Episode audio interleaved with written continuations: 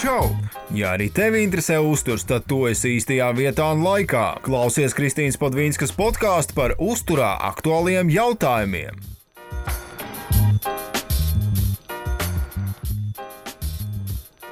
Čau, čau, klausītāji!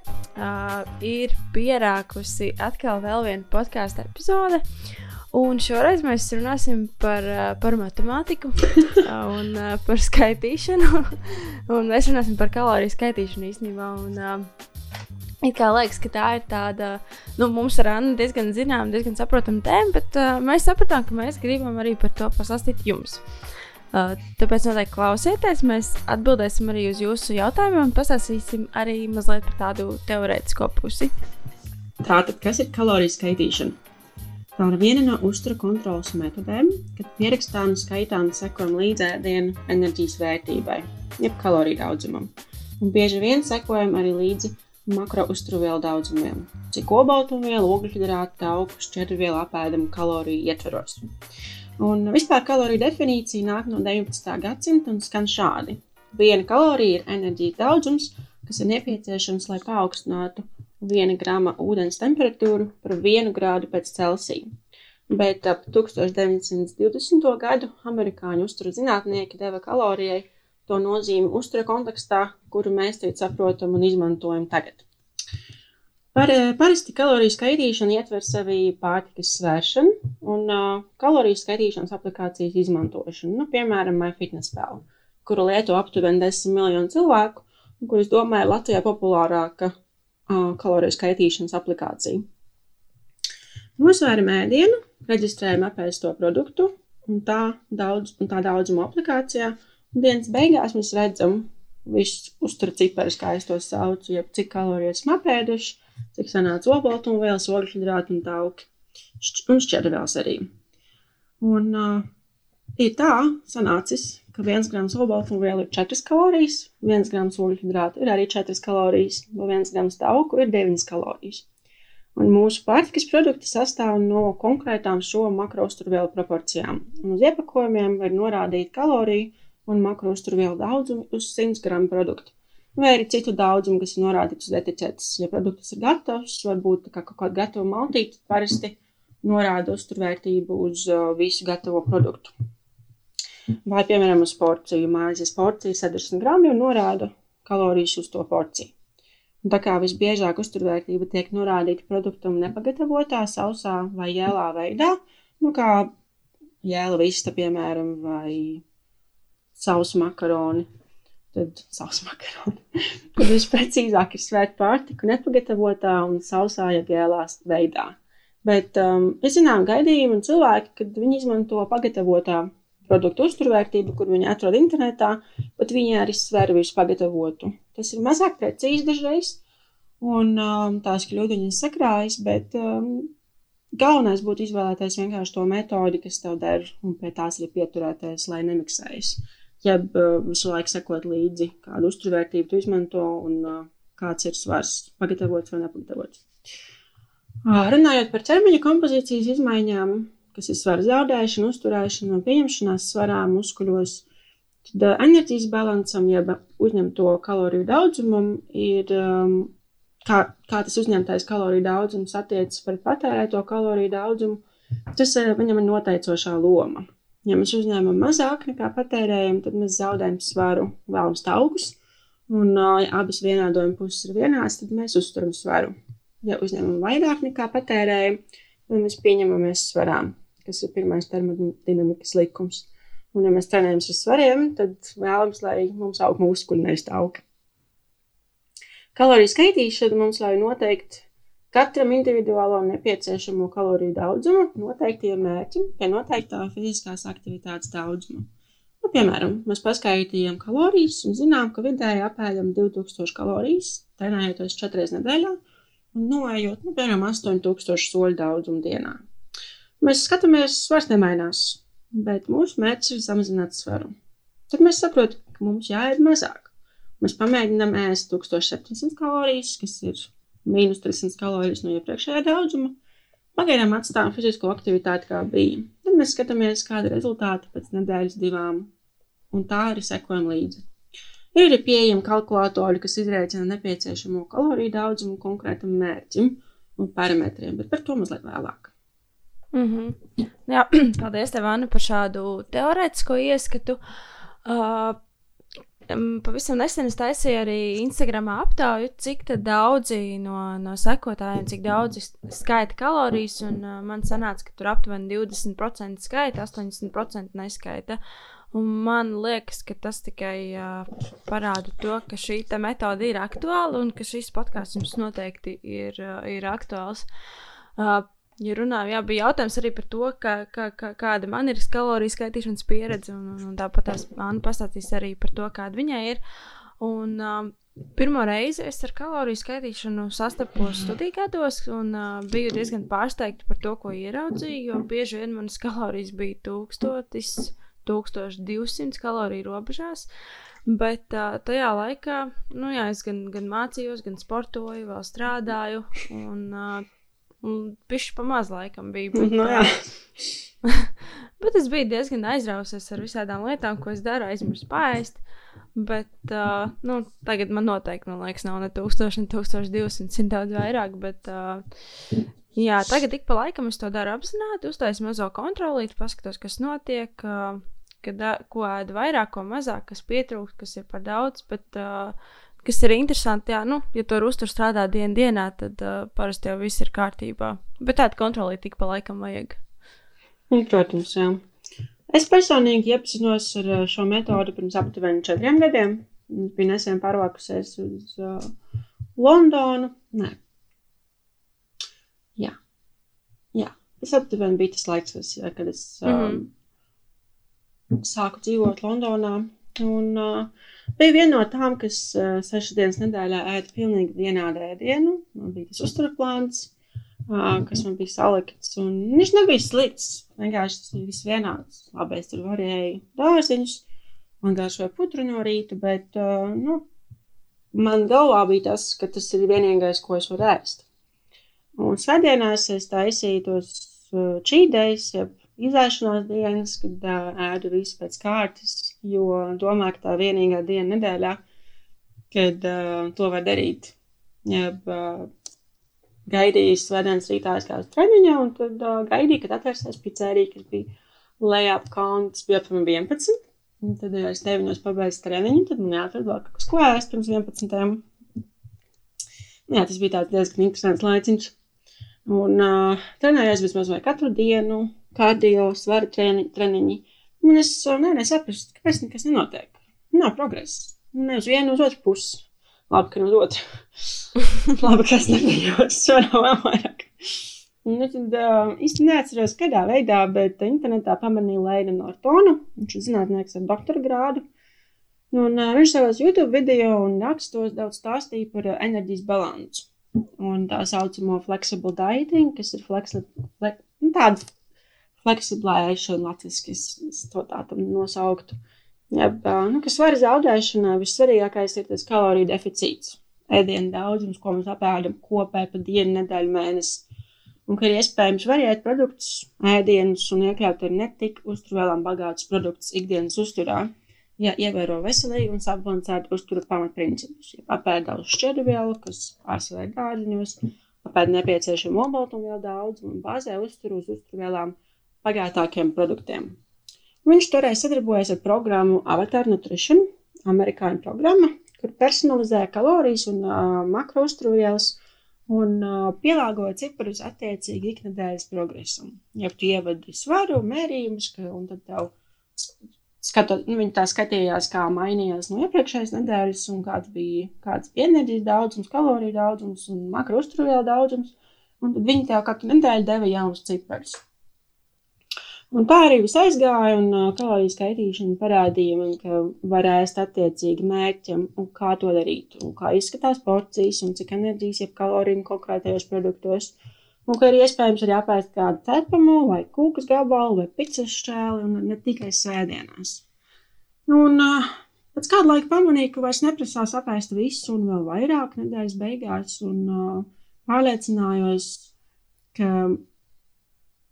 tiešām var visu, bet attiecīgajos daudzumos un brīžos un um, attiecīgi bieži. Un arī jūtos daudz brīvāka uzturā ārpus mājām, neparedzētajās situācijās, jo es ne, nebiju vairs piesiet pie konkrēta plāna vai konkrēt, konkrētām kastītēm. Un tā es skaitīju kalorijas pāris gadus, jo metode ļoti patika un nesagādāja nekādas grūtības. Un arī toreiz kontrolēt palielinājumu muskuļus, un tad gatavoju savām bikini fitnesa sacensībām, pirmām un pēdējām, un vajadzēja šo precizitāti. Un um, tagad pievēršos kaloriju skaitīšanai tad, kad ir mērķis samazināt tauku procentu, jo es tā sapratu, ka man tā ir vieglāk pārliecināties, um, ko es apēdu un kādos daudzumos, jo es zinu, ka uh, jāsamazina tauku procentu, precizitātei jābūt daudz uh, lielākām mērogām, Un, uh, es uzskatu, ka kaloriju skaitīšana ir vistiešākais un visprecīzākais veids, kā es varu kontrolēt apēstā daudzumu un tad zināt, zināt tos mainīgos, kas man ir. Ja nav mm -hmm. mērķis zaudēt tauku procentu, tad es neskaitu kalorijas aplikācijā, bet uh, vienkārši izmantoju iegūtās zināšanas un prasmes, lai sekot līdz uzturu kvalitātei un uzturu vielu sadalījumam un daudzumam. Mm -hmm. Nu jā, Uh, ir, ir zināms, ka mēs ar Annu strādājam ar, ar cilvēkiem, dzīviem cilvēkiem. Un, uh, mazliet pastāstīsim arī par to, kāda ir uh, mūsu klienta pieredze un kas ir tas, ko mēs redzam ikdienā. Un, uh, patiesībā ir ļoti dažādi, uh, dažādi cilvēki, dažādas pieredzes. Un vienmēr, kad kāds uh, atnāk pie manis uz konsultāciju, es lūdzu aizpildīt septiņu dienu uzturdienas grāmatu. Uh, Un uh, reizēm ir tā, ka klienti jau nāk ar sagatavotām dienas grāmatām, bet tā kā lielākā daļa nezina, kā vai nav, nav skaitījuši kalorijas, nav rakstījuši uztur dienas grāmatu, tad uh, konsultācijas laikā mēs izrunājam svarīgus pieturpunktus, kuri būtu jāievēro kaloriju skaitīšanā. Un, uh, tas iemesls, kāpēc es lieku skaitīt, uh, man vienkārši ir svarīgi redzēt, kas notiek cilvēku uzturā, un savā ziņā tas arī disciplinē un klientu un liek padomāt par to, kas un cik daudz tiek ēsts. Un, uh, parasti mēs sākam ar šīm septiņām dienām. Un pēc pieredzes var iedalīt cilvēkus trīs daļās. Ir tādi, kuriem iet ļoti grūti, un sev ir ļoti jāpiespiež izdarīt šo svarīgo darbiņu.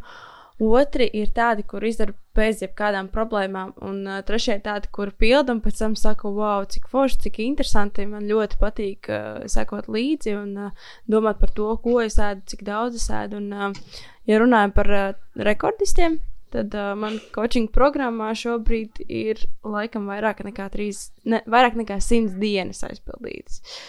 Tā kā, nu, viss ir par disciplīnu un uh, ko tu uzliec par prioritāti un uh, kāpēc tu vispār dari to, ko tu dari. Nu, tieši tā, un uh, vispār, manuprāt, izglītot uh, par enerģijas balansu un kalorijām ēdienos ir tikpat svarīgi, cik izglītot par ēdienu kvalitāti. Un cilvēks atnāk pie manis ar mērķi zaudēt svaru, vai nu, galvenokārt augus.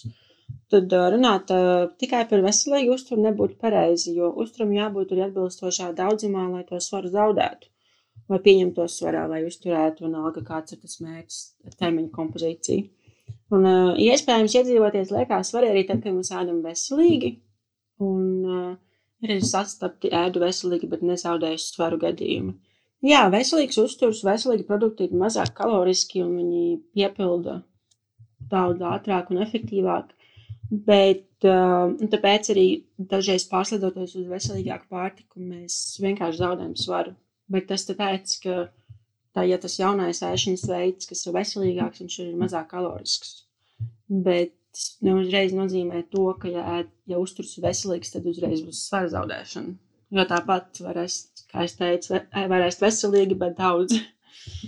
Un, ja es tā kā runāju par darbu ar klientiem, tad um, es vienmēr nogaidu pirmās trīs dienas, kad klienti pilda uzturu dienas grāmatu aplikāciju, un tad mēs jau izrunājam pirmās uzturu stratēģijas. Un es tā dozēju tos ieteikumus, skatos, kas sanāk, kas mazāk sanāk.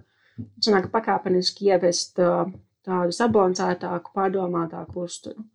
Un um, uzturdienas grāmatā klientiem uzreiz var skaidri un gaiši redzēt, gan es, gan viņa, kas sanāk labi, kur vai varētu kaut ko pamainīt vai optimizēt. Un, uh, protams, mēs turam prātā individuālo situāciju un mērķus. Ko es vienmēr cenšos uzsvērt darbā, ir, ka kaloriju skaitīšana ir kā rīks, un tas palīdz mums abām uzturu izvērtēt un sekot līdzi ļoti precīzi. bet tajā pat laikā saglabāt klientas individualismu un spēju salikt uzturu pašai, vadoties pēc maniem ieteikumiem. Ja tas, kas, ko man nepatīk darīt un ko es cenšos vispār nedarīt, ir dot um, kaut, ko, kaut ko striktu un kaut ko ļoti precīzu un ierobežojošu uzturu ziņā. Jo es zinu, cik psiholoģiski grūti var būt tā apziņa, ka tev jāiet tikai šis un vairs nekas cits. Un bieži vien, ja mēs zinām, ka mums kaut kas ir atļauts vai neatļauts, tad, tad sanāk naturāli vienkārši gribēt to, ko tev it kā nedrīkst. Kaut gan tas ir tāds pašas uzlikts tāds robežas, tāpēc es cenšos, man nav nekāda neaizliegto produktu saraksta. Nu, nekas tāds vispār neeksistē, un nekas tāds precīzi uz lapas arī nekad nav salikts. Jo es tiešām, man tiešām patīk, kad es redzu, ka cilvēks pats izvēlas veselīgākus produktus vai pats pamaina uzturu. Varbūt kaut kādas kļūdas darot sākumā, bet tas jau nekas, jo mēs tieši mācāmies un uh, tieši praksē var saprast, kā tu to uzturu saliksi labāk un kā tu jutīsies labāk. Nu, manuprāt, tas ir tāds mans, mana ideja.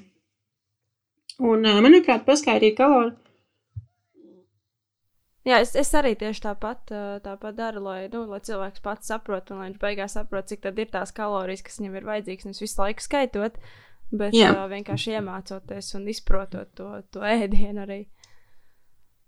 Manuprāt, arī paskaidrot kalorijas kādu laiku var būt ļoti laba pieredze visiem, lai iemācītos vairāk par ēdienu kaloritāti un ēdienu kombinācijām un vispār mācīties lasīt uh, uzturvērtības etiķetes. Jo nu, ir tādi cilvēki, kas vispār nezina, kur tās kalorijas meklēt. Un kur meklēt sastāvu. Bet uh, tas, ka tu skaiti, viens apdomīgāks, tad, nu, arī sanāk, ko es nezināju, ka manā saujā riekstu ir 500 kalorijas, jo sauja ir tik liela. nu, zini, nu, nu tā, tāda lieta. Un uh, arī kaloriju skaitīšanas laikā sanāk arī paskatīties uz uztura kritiskāku aci. Jo tad, kad mēs uh, cenšamies dienas beigās vai nedēļas beigās atcerēties, ko mēs esam ēduši pa nedēļu vai no rīta, tad nu, ļoti, ļoti liela iespēja, ka mēs kaut ko aizmirsīsim. Un nezināsim precīzi daudzumus, vai nezināsim, ka mēs pielikām pus, puslitru eļļas, nu, kaut kas tāds. Mm -hmm. Bet, kad tu skaiti, un tu redzi, tev viss ir rakstīts priekšā, tev viss ir, tu neko, tu neko neaizmirst vēlams, un tu neko neatstāji ārpus kadra, tad uzreiz dienas beigās tas tu redzi, kur ir tas produkts, par kuru vajag būt uzmanīgāk, vai ko varēja nēst un ko ēst vairāk. Un tādā ziņā. Un um, tiešām laika gaitā tā metode iemāca, iemāca ļoti daudz un uh, sanāk no tās atteikties un uzturēt formu, veselību un justies pārliecinošāk par saviem uzturu lēmumiem. Jo tev ir iedodas tās bāzes zināšanas un tev galvā ir tas kā, savu, savu veidu kalkulators par to. Un, kā, nu, tas domāšanas veids, ka tu zini, ok, ja man ir jau tad cik man aptuveni vajag, mm. lai ir tās tie, tie 30 grami. Ok, es nēdu šodien dārziņus, un man šodien jā, vakarā jāpēd vairāk dārzeņu un vairāk šķiedēvēl. Nu, tāda, tāda, tāda domāšana.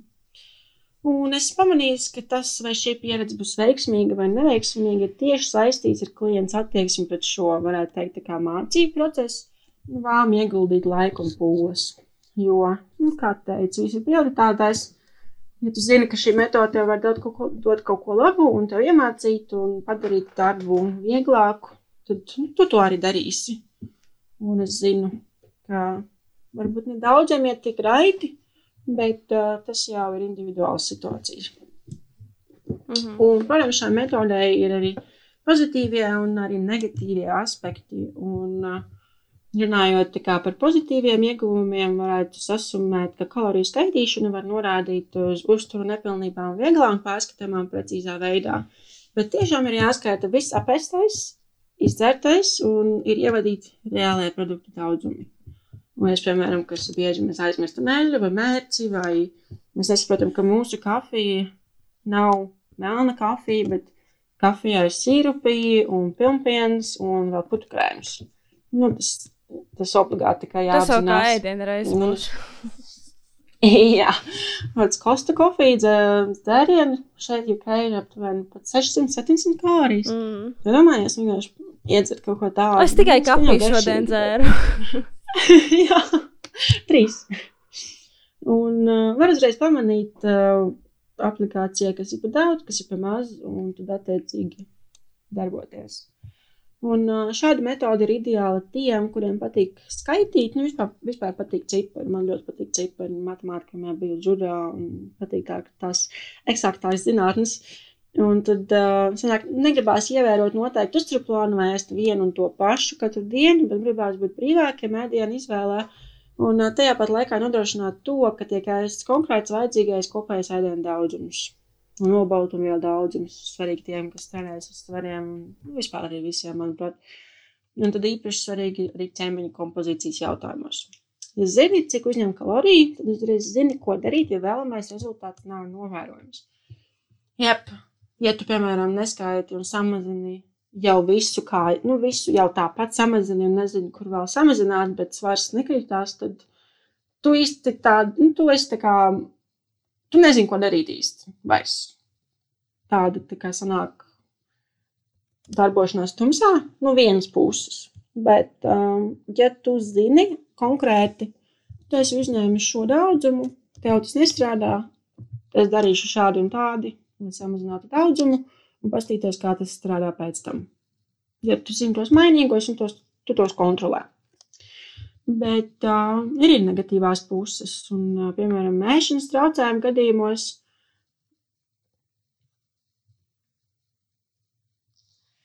Mēšanas traucējumu gadījumos šāda uztura kontrole var pasliktināt attiecības ar ēdienu, un, uh, ja sanāk tāds pārlieku liels fokus uz to, cik kalorijas ir atļauts vai drīkst, un sanāk to procesu uztvērt negatīvajā veidā. Un vienā 2019. gada avotā, kas pētīja fitnesa ietekmi uz vīriešu attiecībām ar ēdienu, tad aptuveni 40% respondentu pamanīja, ka fitnesa lietošanā bija ietekme uz ēšanas traucējumu sāsināšanos un tikai veicināt negatīvu attieksmi pret kaloriju saturu dažādos produktos, jeb sanāca pārlieku izteikti produktu vērtēt pēc kalorijām produktā, un vai tas ir labs daudzums vai slikts daudzums ar tādu uh, melns un balts domāšanu. Un arī neprecīzi mērķa kaloriju daudzuma ievērošana var uh, būt uztverta kā neveiksme, un tad cilvēks uztver sevi kā neveiksminieku, ja viņam nav sanācis pieturēties pie konkrēta daudzuma. Un, protams, arī sieviešu vidū var būt pārāk liela apsaistība ar perfekcionismu, kalorijām, savu svaru. Un tas var veicināt ēšanas traucējumu rašanos, bet ir jāpiebilst, ka tas var notikt arī, ja netiek skaitīts kalorijas. Un var notikt pie jebkādas svara zaudēšanas, jebkādas svara, svara zaudēšanas protokola. Un šī uzvedība ir iespējama, un tas ir nu, neteiktu, ka bieži novērojams, bet ir, ir, ir gadījumi. Un um, šī metode cilvēkiem, kur ļoti bieži ēd ārpus vai gatavo visu vienā katlā visai ģimenei, varbūt pārlieku nērta, tāpēc arī tie individuāli ieguvumi var nebūt tik svarīgi, lai tik ļoti mainītu ikdienu un ēšanas veidu. Tāpēc šeit var, var strādāt kaut kāds cits kaut citu metodu vai citu pieeja. Un uh, ir tādi cilvēki, kas apgalvo, ka jau uz produktu iepakojumiem ir norādīts nopaļots kaloriju daudzums, un tā arī ir. Un, tā kā mēs paši individuāli pārstrādājam ēdienu, katrs mazliet savādāk, un ka šī metode nav pietiekami precīza un ka vispār nav vērts. Bet vispār jāatgādina, ka šī, šī precīzākā mums pieejamā pašlaik metode no visām. Un, uh, nu, kamēr nav izgudrots kas cits, tad nu, mums ir šis. Un, uh, kad mēs varētu uzsākt, nu, piemēram, var jebkurā brīdī vispār. Bet, uh, ja gribas uzzināt vairāk par to, cik apmēram tev ir jāēd tieši tev, nevis kā pieliekot citu cilvēku uzturveidu uz sevīm, un, uh, ja tu gribi zināt to enerģijas balansu, pamatprincipu, kā tas strādā tev, tevai ikdienas aktivitātei, tevai pašsajūtai, teviem parametriem, uh, Vienkārši gribas uzzināt, kā izskatās konkrēta produktu porcijas, kā izskatās konkrēta produkta porcija, kā izskatās, nezinu, 100 gramu vistas filējas, kā izskatās konkrēta putras bļoda ar ko konkrētu kaloriju daudzumu. Un um, tas arī tā, nu, šī metode ļauj to vairāk saprast un apzināties. Un atteikties no kaloriju skaitīšanas varētu tad, kad vairs nav konkrēta ķermeņa kompozīcijas mērķa un kad tā skaitīšana vairs nedod tik, un tev vairs nav vajadzīga tā precizitāte vai tu ēd aptuveni līdzīgi katru dienu un tu jūti, ka tu zini, tu jau automātiski zini, cik katra produkta tev vajag. Un uh, tu jau to aplikāciju izmanto vairāk kā sevi pārbaudīt, varbūt nevis kā to galveno, galveno līdzekli noteikt daudzumu. Un um, tā nu es arī pati atteicos vienā brīdī, jo es sapratu, ka es varu arī bez. Un vienkārši mierīgi pārstāv lietot, un tagad palietot tikai tāds, kad ir kaut kāds cits, kā, kā precīzāks, konkrētāks mērķis uzturām. Mm -hmm. Kad tu tagad pēdējo reizi skatīji? Vakar, šodien. Jā. man drīz atvaļinājums. Man drīz atvaļinājums, man patīk uz, uh, atvaļinājumu bišķi. Nozinu. Nu jā, jā. Es gan neesmu pēdējā laikā skaitījusi, bet droši vien, ka šī podkāsta tādā uzvirmojumā būs jāpaskaita. Uh, mums bija arī dažādi jautājumi no sekotājiem, ko mēs uzdevām Instagram. Uh, bija gan Anna jautājumi, gan man, un mēs uh, centīsimies arī uz tiem atbildēt. Un uh, viens no jautājumiem, jautājumiem bija par to, kā skaitīt ēdot ārpus mājas. Uh, vai restorānā var prasīt, cik kalorijas kopā ir porcijai. Un, manuprāt, tas ir pilnīgi ok.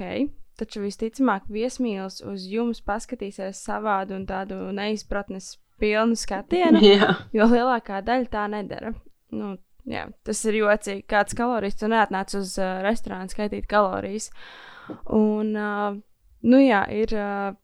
Man, man kā klientu lokā ir klienti, kuriem laikus ir jāpasūta ēdiens, un viņi zina, ko viņi ēdīs konkrētajos datumos, un uh, ir iespēja izvēlēties no menu piedāvājuma. Un, uh, mēs šobrīd esam tieši kaloriju skaitīšanas procesā. Un, uh, es pajautāju klientam, vai varbūt ir kāda iespēja uzzināt uh, porcijas kalorāžu. Un, protams, viņš uzrakstīja, pajautāja, un uh, jā, mazliet tāds, nu, ko tu gribi. Bet, uh, jā, kas, kas tas tāds ir? Nu, ko tu iedomājies? Kas ir kalorija? Un domāju, ka tas restorāns, nu jā, domāju, ka arī citur tas būtu nu, tieši tāpatās, ja tu pajautātu Tā kā, nu, ko tu gribi? Bet uh, nu, nu, domāju, ka tas varētu būt tikai tāds labs, labs pluss gan, gan restorāniem, gan citām ēdināšanas iestādēm. Un, ja būtu kāda iespēja uzzināt šīs kalorāžas, bet uh, nu, reiķinieties, ja jūs, ja jūs pajautāsiet, nu jā, var, varbūt, varbūt ļoti interesanta, interesanta pieredze. Uh, otrā iespēja ir uh, nu, aprēķināt aptuveni tās kalorijas, cik daudz jums ir. Un, uh, Ir dažādi porciju atlanti, vēl visādas citas iespējas. Bet uh, tad, ja jūs skaitat kalorijas jau kaut kādu laiku, tas jau vienkārši jums automātiski sanāk, ka jūs saprotat, plus mīnus, cik tur kas ir. Bet, nu, reiķinieties ar to, ka vienmēr ir jāpieskaita kāds, kāds daudzums vēl klāt, jo parasti jau tiek izmantots vairāk eļļas, vairāk, vairāk tauku vielu nekā jūs varbūt gatavot mājās. Tā kā, nu, atstājiet kaut kādu rezervīti. Nu, jā, pilnībā piekrītu. Un, ja ir bijusi pieredze ar precīzu kaloriju skaitīšanu, tad arī noteikti aptuveno kaloriju daudzumu restorānu maltītēs un uh, aptuveno olbaltumvielu daudz, olbaltumvielu daudzumu var būt salīdzinoši viegls process, bet uh, ko es uh, parasti iesaku, ir sadalīt maltītes sastāvdaļām un uh, tad uz aci pas, nu, pats saprast, cik, tu, cik tur ir un kas tas ir, kas tas ir.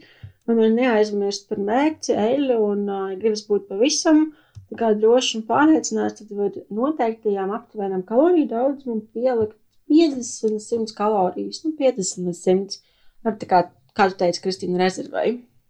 Jo tās maltītes ārpus mājām mēdz būt tiešām ar tām sastāvdaļām, kuras mēs neredzam, un arī treknākiem produktu veidiem. Ja, nu, piemēram, ja es mājās tājuši burgeru ar 5% tauku gaļu, tad um, Aināšanas vietā tā noteikti ir 20% tauku gaļa, kas ir daudz vairāk kaloriju no taukiem. Un arī tas pats olu kultens, ja mājās tas ir parasti nu, olas, pišķi, varbūt piens noteiktajās situācijās, tad uh, ēdināšanas vietās un restorānos tas jau var būt saldais krējums. Tāpēc nu, jāsaprot, ka arī nu, kā tie paši cēzara salāti. Mm. 1200 kalorijas bļodā, tas īstenībā nav salāts. Nu, jā, tas ir tāds divs maltīts kārtīgs. Un uh, vēl viena opcija ir atrast kādu līdzīgu maltīti tam restorānam vai ēdināšanas vietai, kur ir pieejama uzturvērtības informācija. Piemēram, aiziet uz streetburgeru, pēd burgeru un free, bet ieskaiti līdzīgi burgeri no uh, McDonald's. Jo pat Latvijas McDonald's. Man šķiet, visam Ir, jā. tāds noteikums, ka viņam ir uztura kalkulatori, un vispār arī Lido tagad ir uztura kalkulators. Viņiem tur, kā, tur mazliet ir jāapmeklē, jo sākumā viņš tev dod iespēju izrēķināt savas kalorijas. Es tur nezinu, man sanāca kaut kas tāds, ko es neticēju, ka ir pareizs. Bet uh, pēc tam tur var nospiest, um, uzzināt produktu uzturvērtību bez kaloriju aprēķina vai kaut kas tāds. Un tad tev uzreiz ir viss saraksts ar visām, visiem ēdieniem, piedevām, zupām, kūkām, tortēm. Un tas lido ēdiens var būt tāds, nu, nu, kā s- klasisks, statistiski vidējais latviešu mm. ēdiens. Nu, es tā tā mm. nosaukt. Un tāpēc, varbūt, ja tu ej kaut kur citur ēst, un tu paņem kaut ko līdzīgu, un tu zini, ka lido varbūt ir arī kaut kas tāds, tad var arī izmantot lido Jā, katrā ziņā iespējas ir Nu, ļoti es- daudz, un galvenais ir meklēt. Ļoti. Ja gribas, jā. jā. Nē, kas ir Tieši tā. interesanti, pavisam nesen uh, skatījos vienu raidījumu, un tur bija arī par šo pašu kaloriju skaitīšanu un uh, par ēšanu ārpus mājas. Un tas, tas raidījuma vadītājs viņš arī laikam bija kāds uzturzinātnes, uzturzinātnes doktors vai, vai jā, nu, cilvēks ar, uz, ar uzturu izglītību. Un uh, viņš aizgāja uz restorānu. Viņš teica, ok, vai džeki, uztaisam uh, to pašu ēdienu, ko jūs dodat, bet uh, nu, ar mazāk, mazāku kalorāžu. Un tas, ko viņš darīja, viņš, uh, piemēram, zupā viņš pielāja vairāk šķidrumu klāt, nu, attiecīgi šķidrums ātrāk, uh, ātrāk uzpilda, uzpilda kuģi un, un, un, un ātrāk viņš ir piepildīts. Uh, no frī kartupeļiem viņš no porcijas noņēma pāris frī kartupeļus nost. Un uh, laikam tam, tam pamatēdienam vēl viņš nu, tās taukvielas arī kaut kādā veidā samazināja.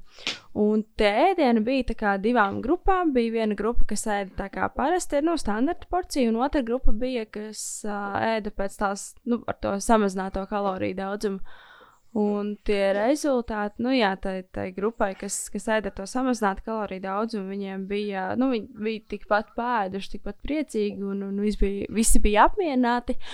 Un uh, tas samazinātais kaloriju daudzums bija, man, manuprāt, kaut kāds 300 kalorijas mazāk, kas ir nu, diezgan daudz. Nu, jā, ir īpaši, ja pēc tam sarežģīti, kaut kur ietaupi 300 kalorijas, tad vēl brokastīs ietaupi 300 kalorijas, tad arī ir tāds konkrēts kaloriju mm. -hmm. deficīts. Tā kā, nu, iespējas ir. Protams, tādos uh, super ši- šikajos restorānos tur salīdzinoši grūti ir pārēsties. Bet tāpat tās. Ah, un kas, kas ir vēl interesanti, jā, es atceros, ka pagājušā dzimšanas dienā mēs bijām uz vakariņas tumsā. Varbūt kāds zina, kas tas ir. Tas ir tā, ka tu ej pilnīgā tumsā. Un uh, kas ir ļoti interesanti. Neredz rēķinu. Un neredz rēķinu. Nē, tur jau bija priekšapmaksa. Bet, ah, tā vispār man dāvā. jā. Uh, tur interesanti bija tas, ka tad, ja tu ēdi ar acīm cieta, tā sāta sajūta parādījās daudz ātrāk. Porcijas likās daudz lielākas nekā viņas bija īstenībā. Nu, ok, mēs viņas neredzējām, varbūt mums pēc tam parādīja kaut ko pilnīgi citu. Bet, uh, nu, ēdot ar acīm cieta, man liekas, ir uh, daudz ātrāk paēst un mazāk kalorijas arī apēst. Bet tas, tas tā. Ok, uh, nākamais jautājums ir par to, kā izmērīt uh, kalorijas vienā zupas porcijā.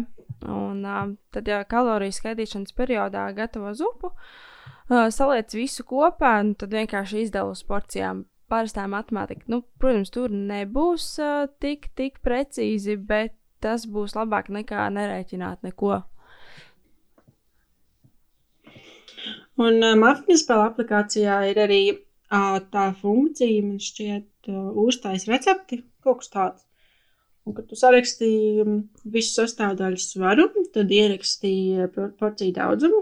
Tev automātiski saskaita visus uzturciparus, kā attiecīgi katrai porcijai. Un tad tev tas ir saglabājis, un attiecīgā brīdī tu vari nospiest un pateikt porciju daudzumu, un tas viss saglabājas tavā uztur dienas grāmatā. Mm. Kas ir diezgan ērti.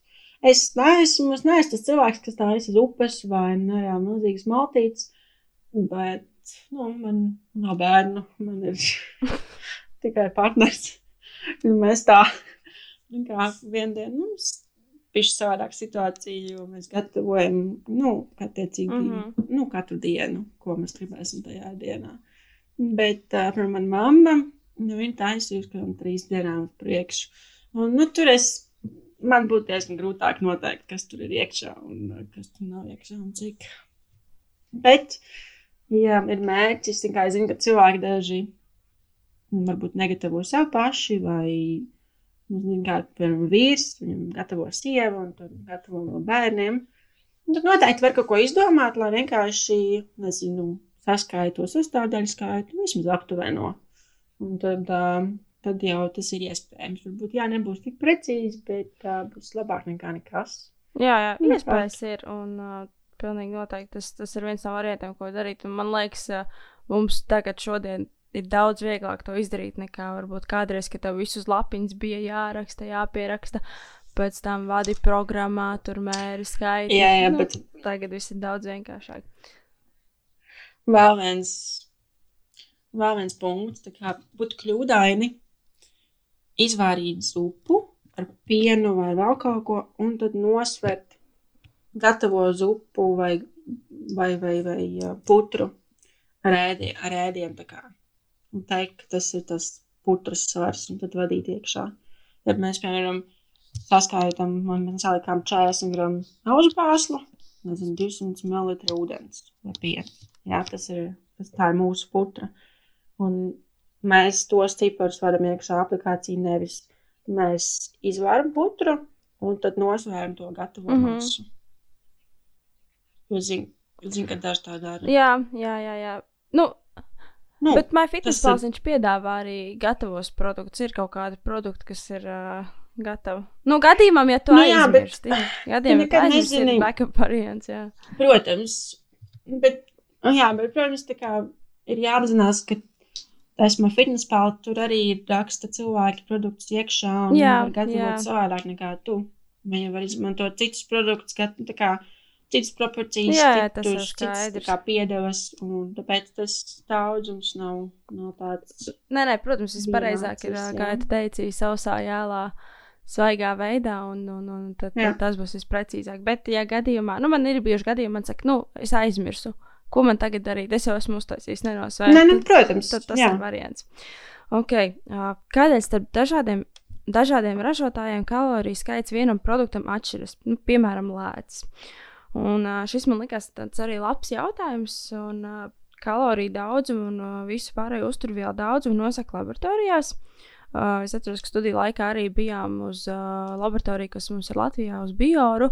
Un, uh, tur mums rādīja, jā, kā tiek noteikta šī produktu uzturvērtība, kā viņi tur izraicina, cik daudz ogļhidrātu, cik daudz tauku, olbaltumvielas. Nu, tur sarežģītas dažādas uh, ķīmiskās uh, procedūras. Un, uh, ļoti interesanti. Man liekas, ka es gribētu tur kādreiz strādāt.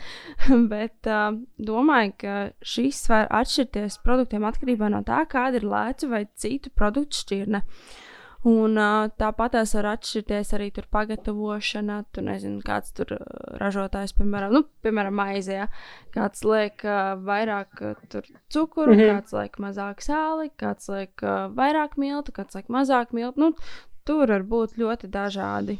Tā kā, nu, es domāju, tas, tas var būt tas iemesls gan pagatavošanas metodas, gan šķirnes, gan arī uh, analīzes laboratorijās var atšķirties. Varbūt ir kaut kādi citi reaģenti un, un tādas lietas.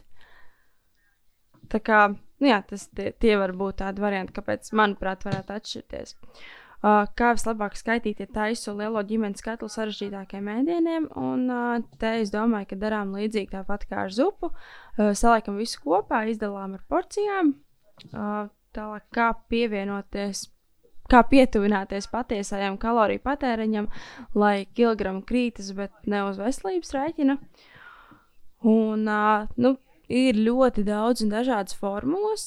Viena no tām, kas ir tāda, man liekas, populārākā, ir Haris Benedikta formula, kuru, kuru joprojām izmantojam. Tāpat arī dažādas citas var atrast. Uh, un, uh, protams, tās atrodams internetā, tās mums ir uh, iemācītas. Un, uh, protams, uh, ir svarīgi tomēr saprast, kā strādā konkrēti tavs organisms, eh, cik, cik ātri viņš pielāgojas kaut kādām uzturu izmaiņām. Jo ir cilvēki, kuriem tas notiek ātrāk, ir cilvēki, kuriem uh, tas no, nu, notiek lēnāk. Kā, nu, tas ir tāds ilgstošs process. Tas nenotiek uh, vienas dienas laikā, tas nenotiek nedēļas laikā, tas, tas var būt arī mēnešiem.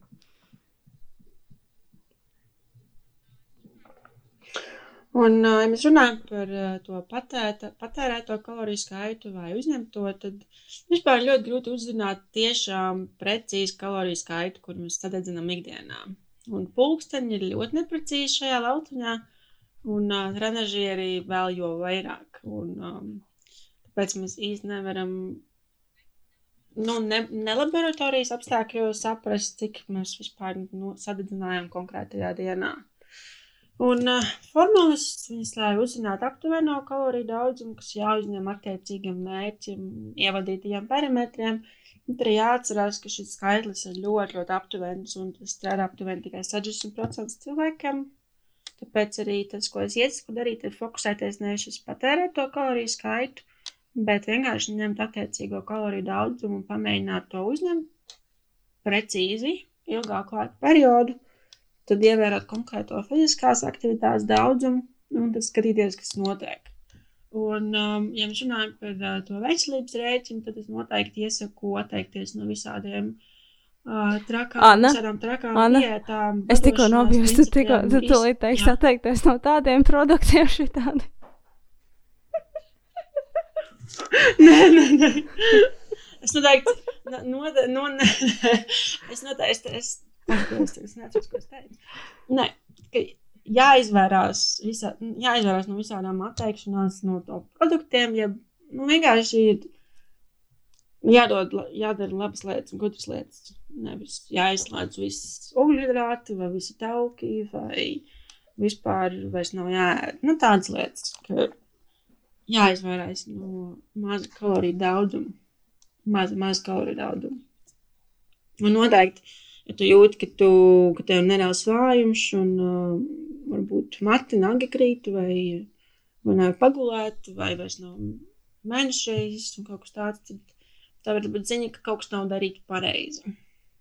Nu, bet, protams, viss ir individuāli un tajā būtu labāk uh, darīt uh, visu ar uh, kaut kādu zinošāku cilvēku um, palīdzību ja, tev ir kaut kāds blakus, kas tev var palīdzēt ar jautājumu, vai, vai iesēt, ieteikt, ko darīt, un uh, vispār nodrošināt, ka mm, viss ir darīts pēc standartiem un ar tavu mm. veselību prātā. Nu, nu jā, šeit var papildināt arī Annu, ka tas tāpat ar samazināšanu tas nav vātrs un vienkārši process un ir jāatstāj jāatstāj tā doma kaut kur malā, ka nu, viss notiks ātri un vienkārši. Atnāksiet pie speciālistiem, palūksiet sastādīt uzturu programmu vai rekomendācijas, un hops, o, pēkšņi jūsu svars ir samazinājies. Nu, tā nenotiek. Uh, gan, gan viena, viena, gan otra puse, gan svara samazināšana, gan palielināšana, tas ir laikietilpīgs process. Un, uh, protams, var sēdēt uz 1000 kaloriju diētu, un uh, lielākajai daļai nu, šis strādās, vai kura jā, cita tāda nepārāk pārdomāta diēta, bet uh, jautājums vienmēr paliek par to, cik ilgi saglabāsies šis rezultāts. Un uh, es domāju, ka tie, kuri kaut reiz ir izmēģinājuši tūkstošu kaloriju diētu, nu, kas, kas varbūt nav gluži tas mans gadījums, kas arī varbūt ne, neapzināti, ja, bet uh, kur ir speciāli sēdējuši šīs, te, šīs tūkstošu kaloriju. Nu, tie tad attiecīgi jau, jau zinās. Mm -hmm. Un es īstenībā sapratu, ka man 1000 kalorijas tas ir atņemot uh, 300 kalorijas no bazālās vielmaiņas, kas ir tā vielmaiņa, kas mums ir vajadzīga, lai mēs vispār varētu eksistēt. Tā kā, nu, domājiet līdzi. Jā. Nu, jā. Es noteikti arī um, ieteiktu būt uzmanīgiem. Ļoti populāri ir uh, prasīt um, uzturu padomus vai kādus uzturu plānus vai, vai nu, tos pašus izaicinājumus un projektus. Uh, un tad piedalīties tajos, atrod cilvēkus caur sociālajiem mēdījiem vai caur paziņām. Mums noteikti būtu ieteiktu būt uzmanīgiem, ja tu neredzi nekur figurējot um, kaloriju skaitu vai makrostruvielu daudzumus. Nu, jo tur parasti, ja, tur, ja, ja to nenorāda, tad to parasti slēp. Mm -hmm. Un kāda ir veiksmīgākā formula, lai dabūtu smukas pirms un pēc bildes, un uh, lai dabūtu kaut kāds rezultāts un foršās atsauksmes, ir, nu, ja tas treneris vai cilvēks, viņš negrib darīt darbu, tad, nu, viņš parasti iedod visu vienādu visiem. Un uh, iedod diezgan mazu daudzumu, lai ir lielāka iespēja, ka visiem tas strādās, ja visi nometīs svaru. Un parasti tās ir tās 1000, 1200 kalorijas. Jo, ja nav, ja nav tās um, personīgās pieejas un um, ir tāds vairāk tas, tas fokus uz to, kā lai ātrāk kaut ko nomestu vai kā lai es teicu, dabūt tās foršās pirms un pēc bildes, tad arī, nu, tie paņēmieni, kas ir izmantot, viņi parasti, nu, viņi visbiežāk nav tie, es teiktu, etiskākie. Un... Šito jā, paši runājot, es atceros, kā mēs ar tēti kaut kad smējāmies, un uh, viņš māk tā piepūst vēderu. Ka liekas, nu, ka tur ir nenormāli daudz tauku, un viss viņš saka, vai tā kā nofočērēt, ka pirms KP uzturs uh, Un tāpēc tā viņš savā kritīgi iztaisno muguru, tā kritīgi sa savakumējās. Un tagad, nu, tagad nofočē tā kā pēc KP uzturs. saku, nu, jā, bildes ir viens, un jā, otrs jau tiešām, ko, ko, ko cilvēki ir piedzīvojuši. Tā kā tiešām paldies tev, Anna, par šo komentāru, ka, jā, ir, ir jāskatās tomēr ar kritisku aci. Nu, viss ar kritisku aci, jā, nu, redzi, mēs. Vai ne?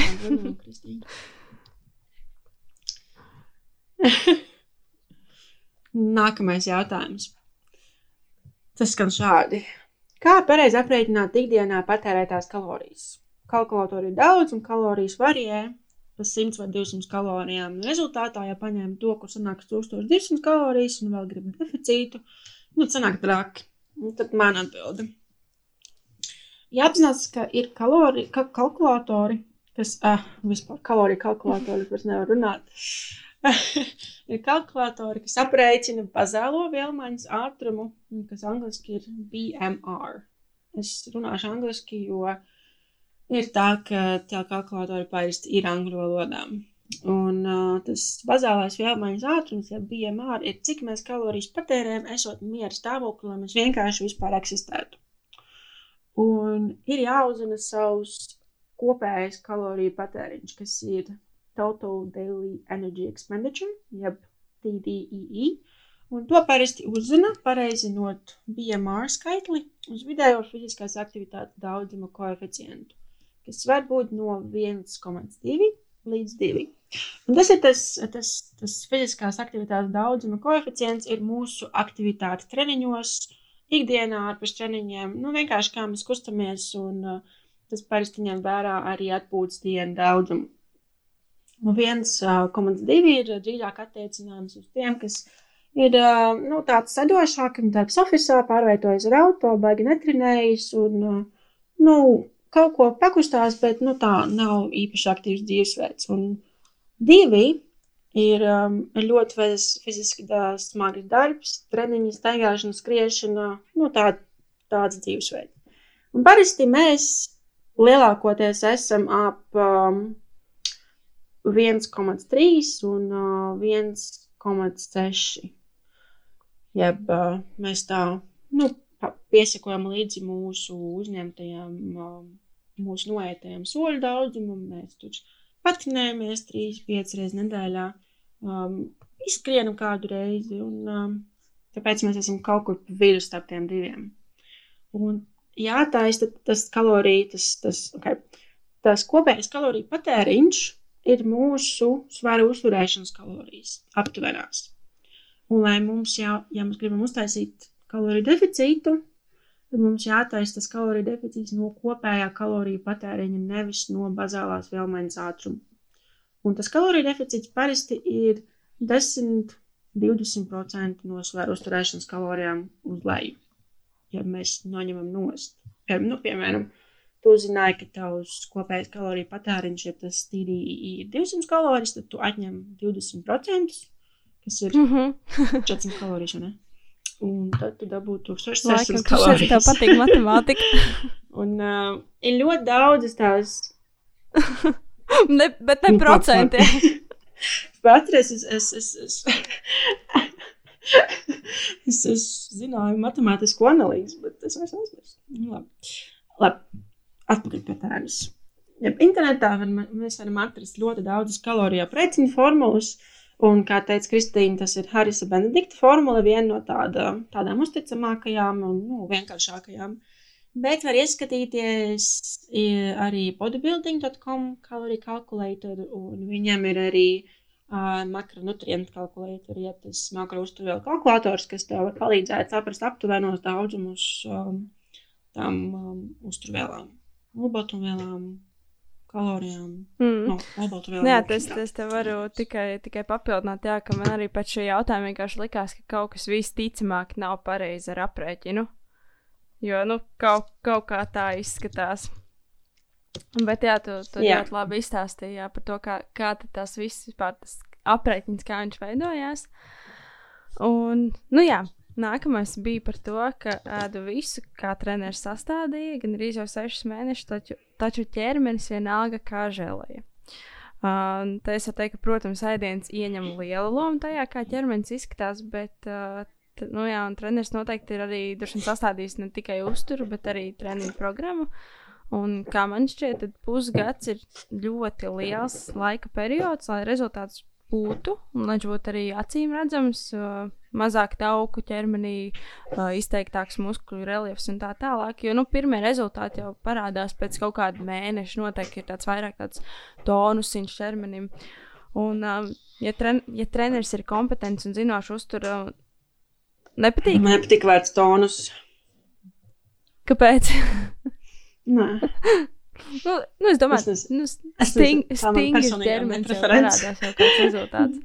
Un, uh, ja treneris ir okay.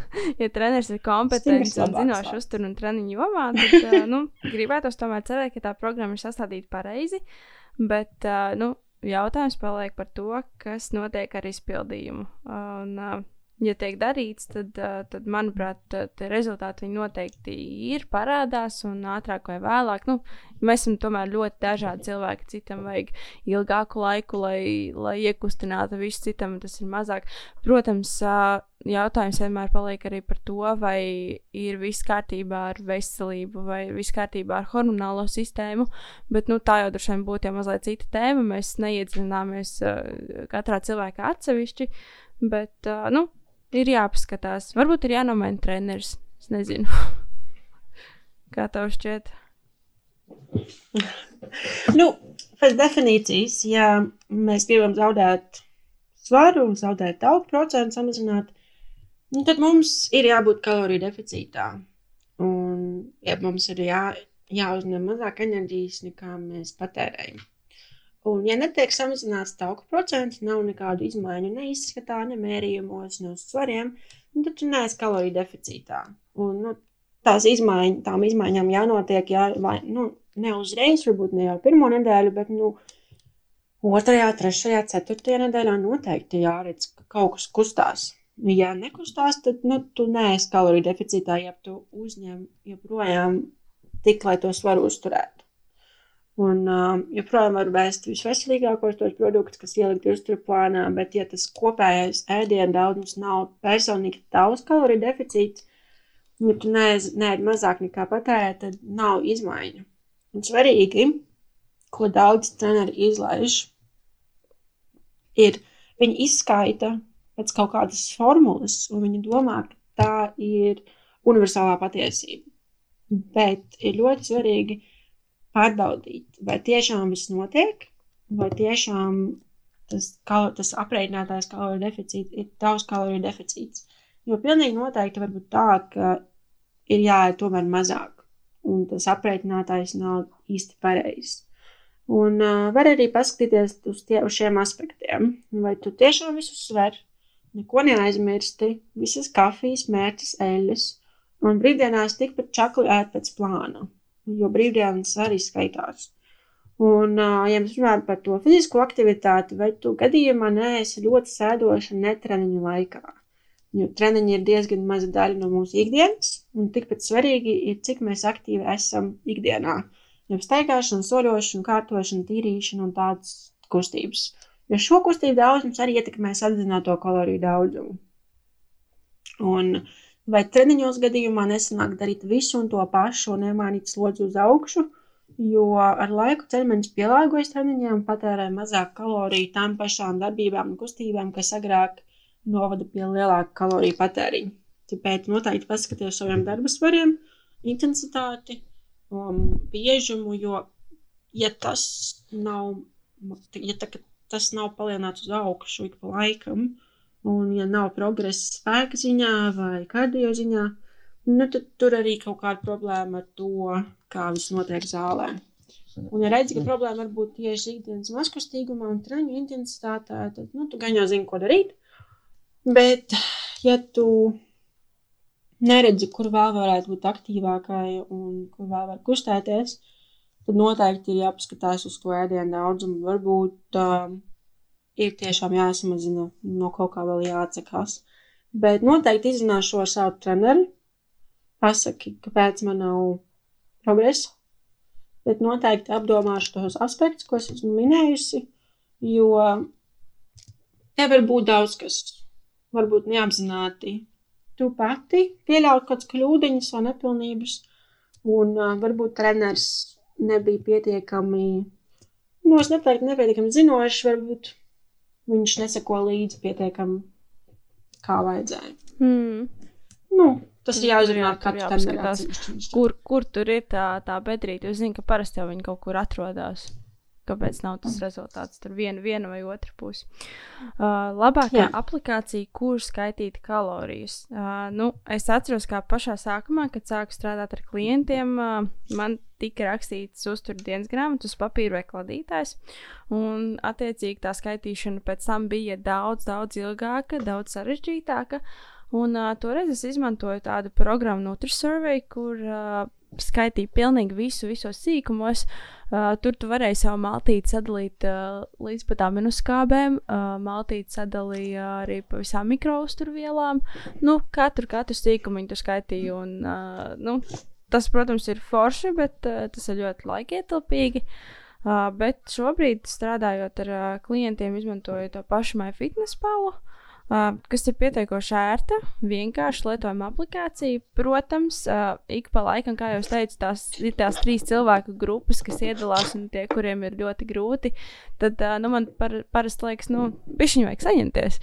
Un, un, un tomēr pastrādāt, tā iemācīties, nu, viņa nav grūti iemācīties. Manuprāt, varbūt sākumā liekas mazliet sarežģītāk, bet, uh, protams, ir arī citas aplikācijas, ko var izmantot, nu, piemēram, Fat Secret, LiveSum. Tā kā ir ļoti daudz un dažādas iespējas. Ja jūs gribat paskaidrot, jūs atradīsiet iespēju, kā.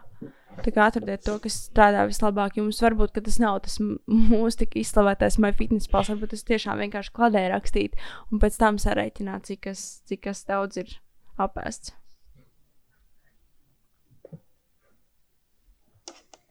No pieredzes var teikt, ka ar uh, MyFitness spēlē jābūt diezgan uzmanīgām, jo produkts var vadīt arī, nu, vadīt iekšā reģistrēt arī paši lietotāji, ne tikai tas viss nāk no datubāzēm, un uh, daži cilvēki nav interesēti darīt šo iev, ie, ievadīšanas procesu pietiekami precīzi un akurāti, un pamanīt produktus ar nepareizu uzturvērtību vai ar um, to, ka, piemēram, nav sarakstīts olbaltumvielu, ogļu un tauku daudzums, sarakstīts tikai kaloriju daudzums, vai ir pilnīgi kaut kas nepareizs. Es nesen biju atradusi, izmantojusi vienu ievadu saldējumam, un tur kāds bija nošauts greizi ar šķervielu daudzumu. Un 300? Skatos dienas beigās, kāpēc man 300 gramu šķervielu Ok. rāda, kas ap, nu, 300, domā, kas tas tāds ir, es taču neesmu, nu, nē. Un tad es skatos, ka tam saldējumam, kas ir 70 kalorijas uz vienu to saldējumu mazo, viņam nec kāpēc ir uzrakstīts Wow. 278 gramu šķervielu. Kaut gan uz iepakojuma ir 2,7. Nu, kaut kāds, kas tur nezinu, kaut ko no, nolaic lažu. Bet, Mm -hmm. nu, tas pēc ir jābūt tā kā uzmanīgiem. Un um, pēc iespējas ir um, jāskanē produktu svītri kodi. Un uh, to var darīt, uh, spiežot uz to pievienot ēdienu un ēda food, un um, augšējā labajā stūrītī ir strīpiņas. Un tad, uz kā, uz, tad mēs novērzam kameru uz uh, to svītri kodu, un tad mums automātiski atrod to produktu. Bet arī jābūt uzmanīgiem, jo es esmu pāris reizes uzrāvusies ar to, par Jā, jā, ja, ja jūs redzat, ja redzat, ka kaut kas, ka kaut Nu, kas ir pilnīgi kaut kur greizi vai, vai, vai nepareizi, nu, jautājiet mums, jā, un tāpēc jau mēs te esam, lai jums palīdzētu saprast, atrast tos foršākos veidus, kā kļūt labākiem, stiprākiem, skaistākiem. Un, uh, jā, ja ir kaut kas, tad noteikti, noteikti pievērsiet tam uzmanību. Uh, cik daudz obaltumvielu, ogļhidrātu, tauku? Nu, šeit ir, šeit ir dažādi veidi, kā, kā, var, kā var ko aprēķināt, kā saprast, cik daudz ko vajag. Bet, nu, runājot par tādu klasisko diētu, tie būs 50 līdz 60% ogļhidrāti, 15 līdz 20% olbaltumvielas un 20 līdz 30% augu ikdienas uzturā. Un tad šo procentu attiecīgi pielāgo savam kaloriju daudzumam, bet nu, var būt arī citi aprēķini. Un, ja mēs runājam par citiem diētu veidiem, kur, piemēram, pārsvarā sastāv no taukiem vai pārsvarā sastāv no olbaltumvielām, tur šis procents var mainīties. Un, nu jā, atkarībā arī piemēram, no tāda iz, izturības sporta, ja mēs par izturībniekiem atkal runājam, tad no izturības sporta arī tas var pamainīties. Ja, kad mēs liekam, liekam vairāk uztu, uzsvaru tieši uz ogļhidrātiem, mēs skatāmies, lai mums vairāk ogļhidrātu, mazāk šķiedru vielu, nu, attiecīgi konkrētos vai treniņu procesos vai pirms sacensībām un tā tālāk. Bet es domāju, par šo mēs vēl noteikti runāsim pie tēmas ogļhidrāti, jo mums, man liekas, bija kaut kur padomā arī šī tēma. Tā kā, nu, tas ir tāds standarta, standarta tāds uzturs, bet uh, nu, var arī dažādi citādāk aprēķināt. Nu, ja mēs runājam par uh, makrostrāvēlām, noteikti sākumā ir jāzina savs kopējais kaloriju daudzums. Jo makrostrāvēlu daudzums ir tā kā, nu, viņam ir jāiekļaujas kaloriju, kopējā kaloriju daudzumā. Runājot par obaltumvielām, daudzos avotos re, re, tomēr rēķina obaltumvielas attiecībā uz ķermeņa svaru. Un uh, spēka treniņa kontekstā ir aptuveni 1,6 līdz 2,2 grami obaltumvielu uz 1 kg ķermeņa svara. Un tiem, kur aktīvi nesporto, nu, vismaz 1 grams vai 1,2 grami uz ķermeņa kilogramu. Nu, piemēram, tavs ķermeņa svars ir 70 kg. Un tu noteici ar formulām un kalkulatoriem pieredzi, ka pie tava treniņa režīma un individuāliem parametriem tev būtu jāēd 2000 kalorijas, lai zaudētu svaru, bet būtu, kal nu, būtu kaloriju deficītā pēc definīcijas. Un tu trenējies ar svariem bieži, intensīvi, tev garšo obaltumvielu saturošie ēdieni un augstāks obaltumvielu daudzums tev ļauj sajust izteiktāku sāta sajūtu. Un tu domā, ka tu gribētu ēst vairāk obaltumvielu. Un, nu, piemēram, 2 grami uz 1 kg ķermeņa svara. Tā gadījumā tas ir 2 reizes 70, reizes sanāksim 40 gramu obaltumvielu. Respektīvi, un ja 1 grams obaltumvielu ir 4 kalorijas, tad uh, katru dienu tu apēdīsi uh, 500-600 kalorijas no obaltumvielām. Tad parasti, ko es daru, ir ķeros pie tauku daudzumu jo to arī var reiķināt uz termiņa svaru, nu arī pēc procentuālu svaru, bet uh, es esmu kaut kā piešausies ar, uh, ar termiņa svaru. Visbiežāk avotos min uh, 0,6 līdz uh, 1 grams tauku uz 1 kg termiņa svara. Ja, piemēram, tavā gadījumā ņemsim 1 gramu, jeb 70 gramu tauku dienā, un ja gramu tauku ir 9 kalorijas, tad uh, Tas ir, tās ir aptuveni 630 kalorijas dienā no taukiem. Un, lai uzzinātu, cik ogļhidrātu paliek, varam no kopējā kaloriju daudzuma atskaitīt kalorijas no obaltumvielām un kalorijas no ogļhidrātiem. Un tad to kaloriju daudzumu, kas sanāca, izdalīt ar 4, jo 1 grams ogļhidrātu ir 4 kalorijas. Ja šajā gadījumā mums ir, 200, mums ir 202 grami ogļhidrātu dienā. Un rezultātā tev ir tas kopējais kaloriju daudzums, obaltumvielu, ogļhidrātu un tauku daudzums. Un viena no kļūdām, ko es esmu pamanījusi, ir domāt, ka drīkst tikai šādus ciprus un vispār vairs nekādus. Bet um, tas, ko es iesaku darīt, ir um, nos, noteikti aptuveno amplitūdu kalorijām un arī um, makrostrūvēlām. lai mums ir patīkamāk pieturēties pie tā daudzuma, ievērot to daudzumu, un lai mēs esam mazliet tādi, nu, nav tādas restrikcijas sajūtas, kā, kā būtu, ja tu zini, ka man jāpēc tikai 140 gramu un vēl ne mazāk, ne vairāk. Bet, ja tu saproti, nu, 120, 140 un, un pat 120 ir, um, nu, ieteicamā daudzuma ietveros, tad, nu, viss ir kārtībā.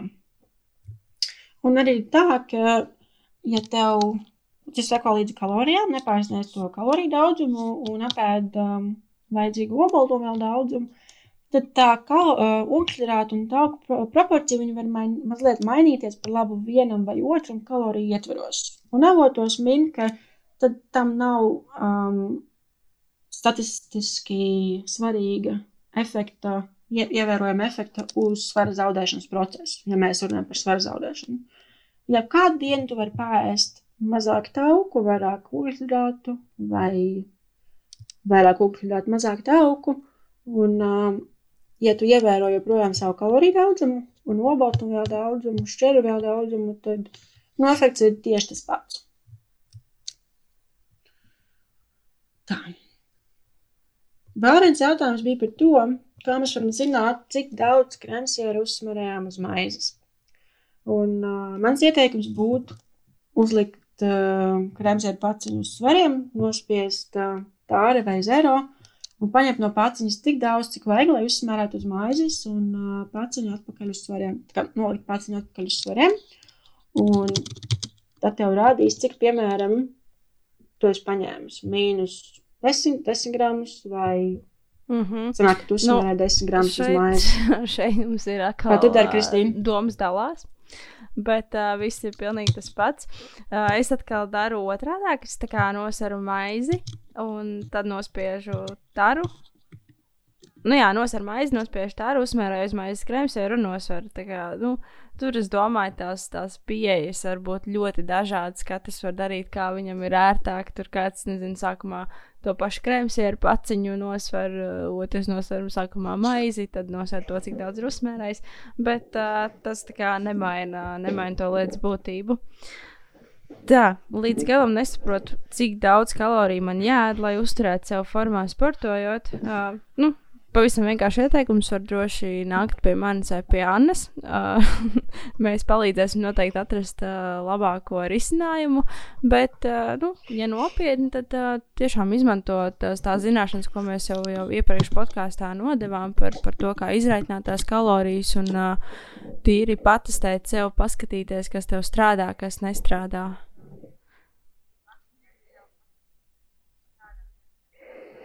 Noteikti arī um, jāsaprot, ka, lai tu saprastu vairāk, saprastu vairāk par savu kaloriju daudzumu un par to, kā tas viss strādā tev, tev ir jāmēģina un jādara. Un tā būs labākā pieredze, darbs ar sevi, jo tā tu vislabāk, tā kā viss precīzāk uzzinās, kas darbojas tieši tavam ķermenim, kāds daudzums, kā tu jūties pie konkrēta daudzuma.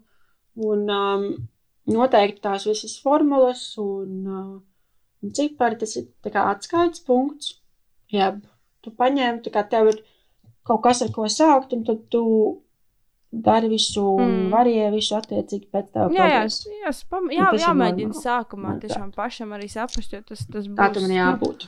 Arī ļoti vērtīgi, un arī tad, kad uh, plānos doties pie speciālista, tev jau būs kaut kas, ko viņam stāstīt, ko tu esi jau pamēģinājis, kas notiecīgi var jau ātrāk iekustināt visu jā. procesu. Uh, paldies, Anna, tev par uh, nākamo jautājumu, kur tu uz, uzdevi manā Instagramā. Uh, Nē, šeit joku nav. Bija par to, vai garšvielas jāskaita, vai ūdeni jāskaita, un uh, gramos vai mililitros. Bet, uh, ja runājam, ja runājam par ūdeni, tad es vienmēr lieku pierakstīt un uh, tīri saprast, cik daudz ūdens ir izdzerts dienas laikā. Un, uh, protams, ka to mēs darām mililitros un uh, rakstām gan, uh, gan to ūdeni. Jā, ja tāpatās. Bet okay. grams, grams ūdens ir viens Bet, uh, laikam, pienam bija mililitrs ir grams. Vai kaut, kaut kam bija citādāk? Jā, jā, nu, jā. Kristīna. Tu, jā, es saku mililitros, jā, jo visām pudelēm ir uh, jā. pašām mililitros. Un uh, lietas svērt ūdeni. Es likšu gramos.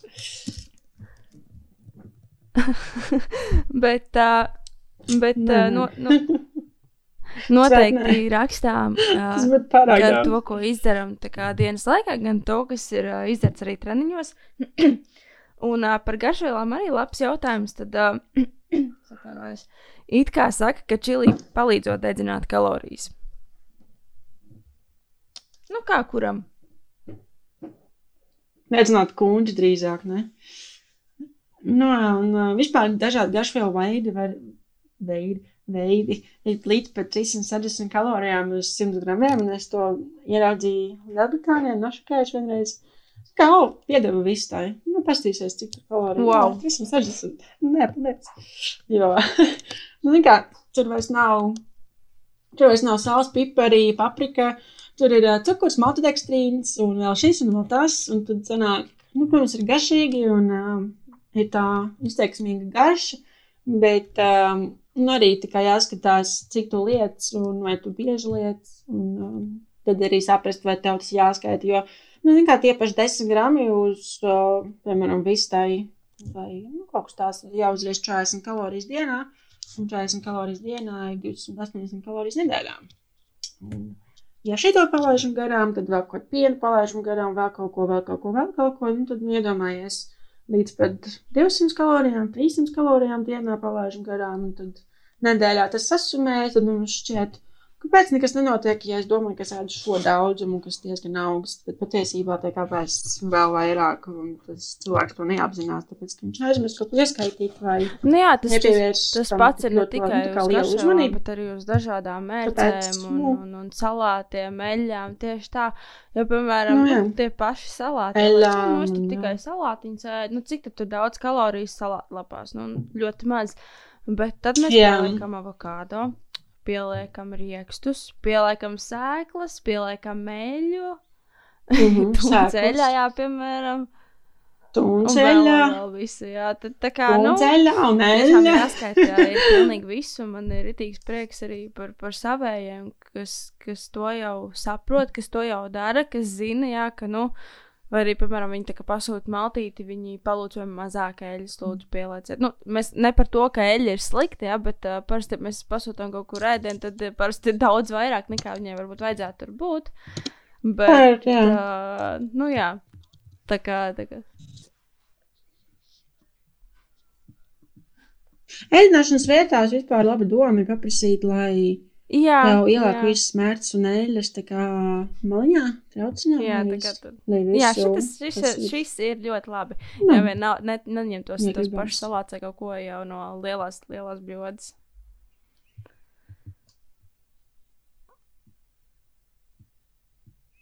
Viens no jautājumiem, ko uzdeva man, um, ir, um, es mokos uz svaru visu laiku, jo jau veidā augšā lejā.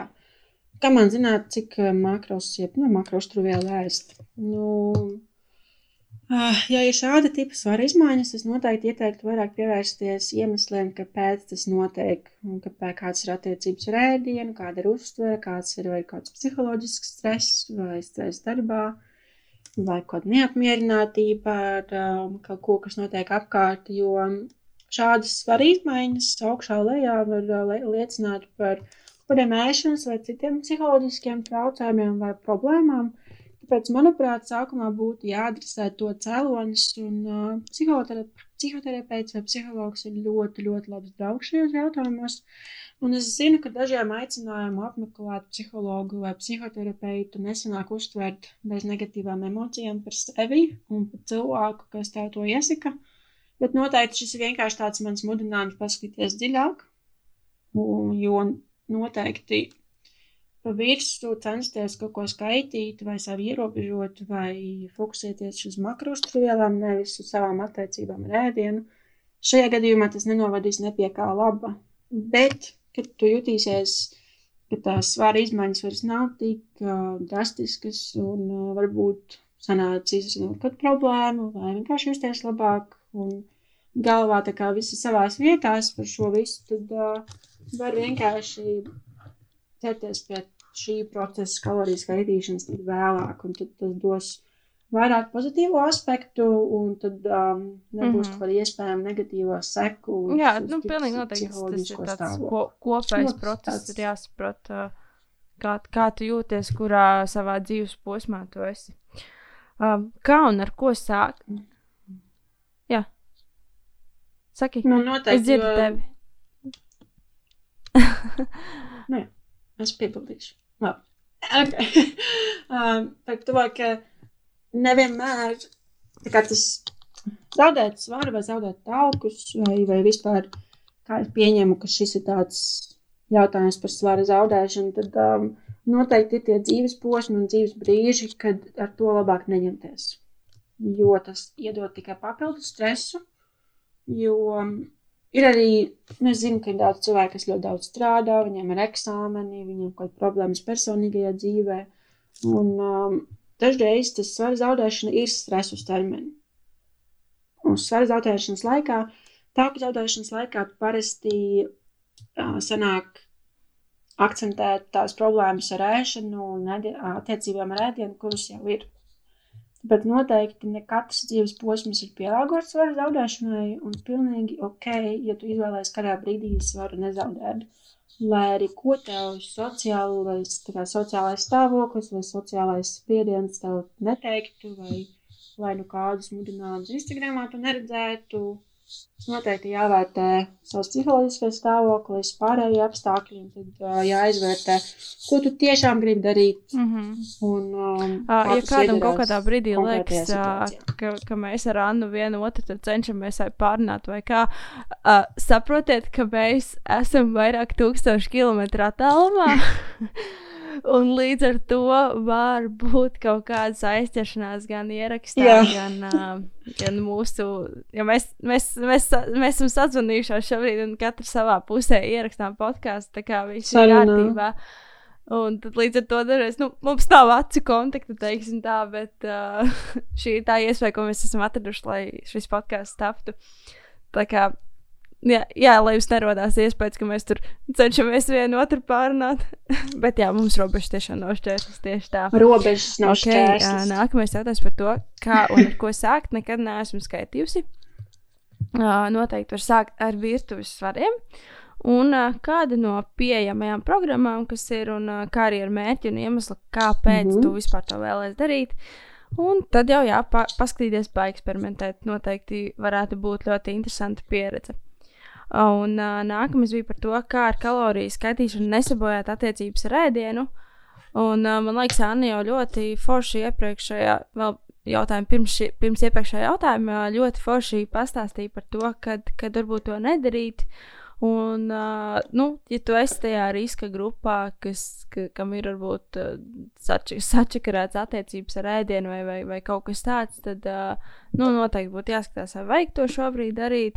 Bet uh, pirmkārt, ko es teiktu, ka ir uh, jāsaprot, kāds ir tavs mērķis, ko tu vēlēsies panākt. Ja tas ir, piemēram, tur pakontrolēt, paskatīties, cik daudz kaloriju tu apēdi, nu, domāju, ka tur attiecības nevar sabojāt, bet, ja tas jau sāk kļūt super apātiski, skaitī, piemēram, tur, nu, dienas tikai nebūtu pār tam tūkstošu kalorijām, vai tu esi tur pats sev izdomājis. Uh, Mhm. nepamatotu kaut kādu kaloriju robežu. Nu, nezinu, tu, piemēram, nu, es vairāk nevarēšu par 700 kalorijām. Es va- varu ēst tikai tur, uh, vienu maltīti tur dienā. Nu, mēdz būt ļoti, ļoti dažādi. Uh, tad tur jau ir jāpadomā, vai tikai mm. nav kaut kādi jau, jau traucējumi vai kaut kas tāds. Un, uh, ja viss tiek darīts ar, ar fanātismu, nu, jebkurā gadījumā tāds superfanātisms, tāda tiešām pār, pārāk jau, jau tādā apmātība ar uzturu nav labi. Bet, uh, ja jūs to da darīsiet saprāta robežās un uh, tiešām paskatīties, pakontrolēt, nu, es neredzu iemeslu, kāpēc to nedarīt.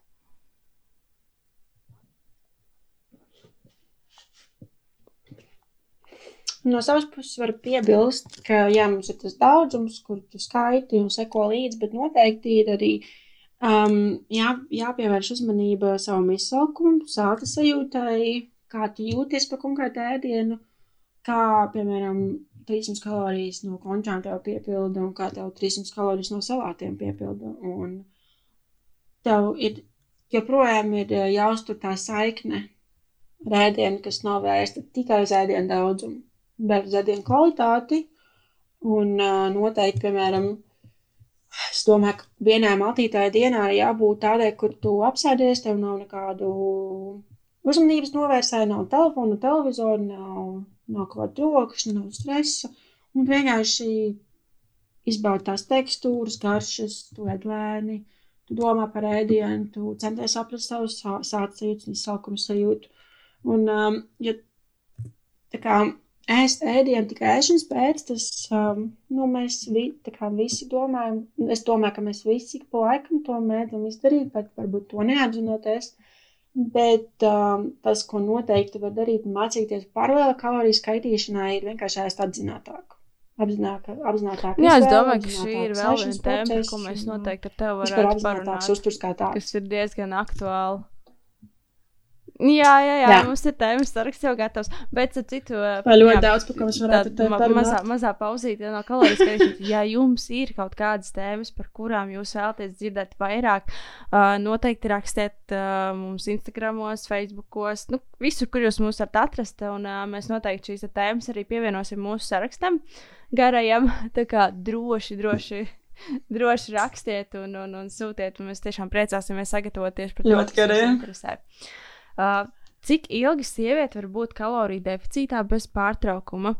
Un uh, tā es teiktu, ka ir jāskatās, cik liels ir tas uh, kaloriju deficīts. Un uh, noteikti ir jāsako līdzi arī savai pašsajūtai, menstruālajam ciklam, uh, kurš, ap citu, ir super jūti, jutīgs, jūtīgs, jutīgs uz dažādām uh, uzturu izmaiņām un diētām. Nu, pavisam vienkārši piemērs. Ja, nu, sākam nē, es ceram par mazu, cikls pazūd. Ja, nu, uh, tas man liekas, nu, sievietēm man liekas, tāda cikla esamība tāda normāla cikla esamība ir ļoti, ļoti svarīga. Nu, jo īpaši, protams, mēs runājam par re, reproduktīvo vecumu. Ja? Bet uh, sekojam noteikti arī līdz savām asins analīzēm un uh, skatāmies arī, kas notiek, kas notiek spogulī. Nu, nu, sievietēm ir, ir jābūt gan krūtīm, gan dibenam. Es uzskatu, ja, nu, tā kā pārāk, ja viss jau savu, kā jūs teicāt, kaut kas, kas notiek ar pārlieku lielu apātiju, pārlieku lielu fanātismu, tas nebūs labi. Tas nebeigsies labi. Tā kā, nu jā, tāda īsa atbilde. Un, par to ilgumu arī svarīgi, lai kā, tas kaloriju deficīts nav, sajūta, nav tikai tā psiholoģiskā sajūta, ka tu esi kaloriju deficītā, ja tā nu, tas izsaukums, ierobežošana vai kaut kāds psiholoģisks, psiholoģisks spriedzi, kas, es zinu, dažiem cilvēkiem automātiski ieslēdz tik līdz samazināts ēdienu daudzums. Vienkārši, ka tu nedomā, ka tu esi kaloriju deficītā, tad uh, viss ir kārtībā, bet tik līdz domā, ok, man jābūt kaloriju deficītā man ir jāiet mazāk, nu, kas ir nepieciešams, lai to, to svaru vai tauku zaudētu. Viņš uzreiz kaut kā, varbūt tas ir psiholoģiskais tāds aizsardzības mehānisms, kas citiem cilvēkiem ir aktīvāks nekā, nezinu, kādam citam, bet uh, noteikti ir jāvēro, lai tiešām tas, ja tu, ja, lai tu esi kaloriju deficītā fizioloģiski, ja lai svars krītās, izmaiņas izskatā, mērījumi, un tad tu tiešām, tad tu tiešām vari spriest, ka tu, jā, ok, es esmu deficītā. Un tas nav tikai man galvā, tas ir arī ķermenī. Un tad pēc tā arī parasti tas nu, vismaz vienu nedēļu līdz ķermenis ieslēdz to tauku dedzināšanu. Nu, ir ilgāk nu, atkarīgs, atkarīgs no katra. Un tad uh, ir tā, ka kādai nu, sievietei tās negatīvās sekas parādās ātrāk. Kādām vispār neparādās pirmo pusgadu. Nu, tas arī ir noteikti jāvēro sevi, jāzina, ko tu dari, lai nepieciešamības gadījumā tu zini, ko tev vairs nedarīt, vai kas tev jāpamaina. Un um, šo ceļu iet vispār jebkādu ar uzturu saistītu, ja tu neesi pilnībā pārliecināts par to, ko darīt, noteikti ir vērts vērsties pie profesionāla cilvēka, kas zina vairāk, cilvēku, kas tam ir rūptā veselība, kur uh, kā palīdzēt. Mm -hmm. Zina, kā tev kā tev dot to rezultātu, un jā, kā palīdzēt, kā tev dot rezultātu, bet maksimāli nu, ētiskajā un patīkamā. Jā, veidā. mēs esam īstenībā rokas stiepienā attālumā, man liekas. Un, mēs ar Kristīnu esam šeit. Ja ir kaut kas, ko, ko jūs gribētu pajautāt, kaut kas, kas vēl ir neskaidrs. Un uh, tas, ko es arī saku saviem, saviem klientiem, draugiem, paziņām, ka nu, nav stulbi jautājumi, ir tikai stulbas atbildes. Tā kā, nu, mēs arī visu, pilnīgi visu mēs arī nezinām, protams, bet uh, noteikti droši, droši jautājiet mums, un mēs ar prieku atbildēsim. Un, kas zina, varbūt kāds jūsu jautājums būs uh, atkal nākamā podkāstu tēma. Bet uh, mēs īstenībā šodien esam izgājuši cauri tādām divām lielām tēmām, kas ir gan kaloriju skaitīšana, gan svāra zaudēšana, samazināšana. Bet uh, es ceru, ka jums bija noderīgi, ka jūs ieguvāt arī daudz ko vērtīgu, un, uh, kas zina, varbūt uh, tiekamies kādā kaloriju skaitīšanas pasākumā. Bet, uh, jā, jā es, es domāju, ka kaut, kaut kad, kad Anna būs atgriezusies, atgriezusies Latvijā, mēs noteikti arī plānosim kādas lekcijas Ā, tu atbrauksi? Ja? Nu, tu jau man varētu aicināt, vienkārši no, pasākumu dēļ. Nē, gaidu, ka tu būsi atpakaļ, ka tu būsi atpakaļ pavisam. Nu, kāpēc ne? Un uh, tas, ko es gribēju teikt, Valds jā, ka jūs uh, varat mums atrast visu kaut kur. Mēs esam uh, gan Instagramā, gan uh, Facebookā, uh, gan vispār dzīvē arī esam. Mēs esam īstas. mm -hmm. Un uh, gribēju arī pastāstīt par to, ka, ah, vispār sveiki tiem, kas ir tikuši līdz galam. Mm -hmm. uh, pastāstīt Jā, jā mēs, mēs centīsimies pieturēties pie, pie stundas jā, formāta. Tas bija ļoti garš podkāsts. bet, bet ne šoreiz. Jā, gribēju pastāstīt par to, ka ir arī mana mājaslapa, kur jūs varat atrast uh, gan podkāstu, gan blogu, uh, visu kaut ko citu. Un, starp citu, podkāsts ir atrodams beidzot arī Spotify. Es nezinu, kāpēc man tas prasīja tik ilgu laiku viņu tur ielikt. Tā kā tiem, kuriem nav vērts SoundCloud, tie klausās Spotify, tiem, kuriem nav uh, ērts Spotify, tie klausās podkāstu apā. Tiem, kuriem nav vērts neviens no šiem variantiem, uh, skatieties, ir mājaslapā arī uh, podkāstu sadaļa, varat arī tur noklausīties. Tā kā iespējas ir ļoti dažādas. Uh, Paldies! .lv. Jā, tā kā droši varat uh, nākt un ciemoties arī tur. Kristīna pat viņas. Uh, nu, ko, Anna, tev teikšu milzīgi paldies. Mēs atklāsim noslēpumu vai nē? es saku, mēs atklāsim šī podkāstu noslēpumu vai nē? Ko ne? Tātad mēs, mēs šo podkāstu rakstām otro reizi. Tā kā uh, atklāsim, kaut atklāsim, kas mums uh, iepriekšējā reizē notika ar skaņu. Uh, Bet uh, nu, gadās visādi tehnika, tehnika, bet es ceru, ka viss mums izdevās šoreiz labi. Un uh, es tev teikšu milzīgi, milzīgi paldies, Anna, par, par šo podkāstu. Un uh, man tiešām ir prieks par to, ka mēs jau rakstām jau. Nu, varētu teikt, ka šis jau ir ceturtais podkāsts, bet šis ir trešais tehniski. Jā, un uh, es tiešām būs vēl daudz, un mēs turpināsim darīt. Tiešām paldies visiem tiem, kuri raksta foršos vārdus, labās atsauksmes. Tas mums dod rītīgi, rītīgi papildus motivāciju darīt, darboties, strādāt. Un uh, paldies, ka tu noklausījies arī līdz šai vietai. Tā kā milzīgs, milzīgs paldies jums, milzīgs paldies tev, Anna. Un uh, tiekamies nākamajās epizodēs. čau! Tiekās, čau!